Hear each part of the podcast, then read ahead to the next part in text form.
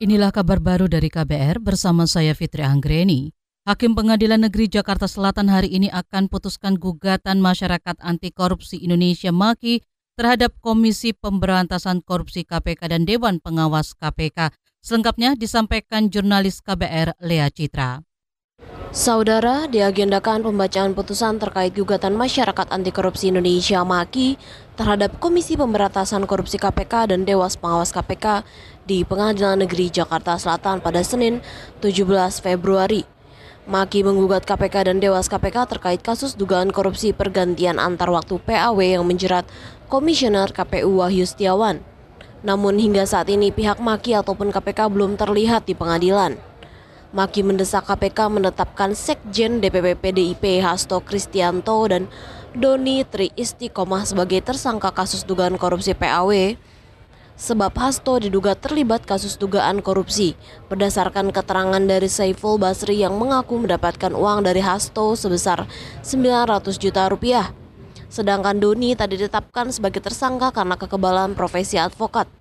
Meskipun Doni diduga terlibat dan mengetahui rangkaian suap Harun Masiku.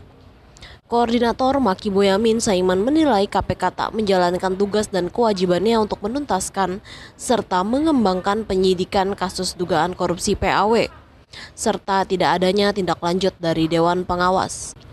Langsung dari Pengadilan Negeri Jakarta Selatan, Lea Citra melaporkan untuk KBR. Pasukan pemerintah Suriah membuat kemajuan signifikan pada hari Minggu di Provinsi Aleppo. Mereka berhasil merebut sebagian besar wilayah yang dikuasai pemberontak itu.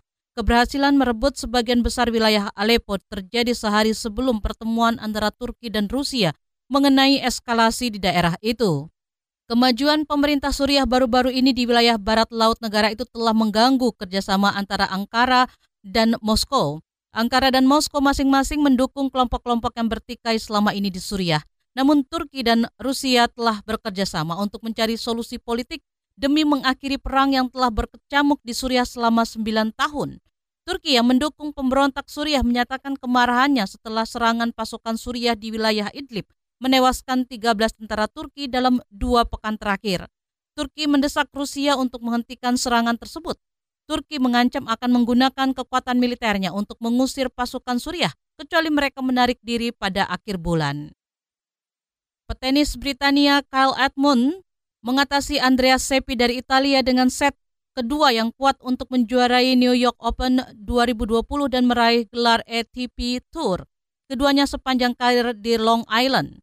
Minggu waktu setempat, setelah memecahkan kebuntuan pada kedudukan 5-5 set pertama, Edmund hanya kehilangan satu game pada set kedua untuk menang 7-5, 6-1 di Nassau Coliseum.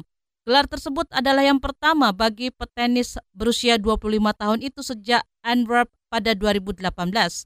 Dia, dia mengalahkan Sepi untuk kedua kalinya dalam tempo satu bulan setelah menang straight set di Auckland pada Januari. Demikian saudara, kabar baru dari KBR, saya Fitri Anggreni, salam.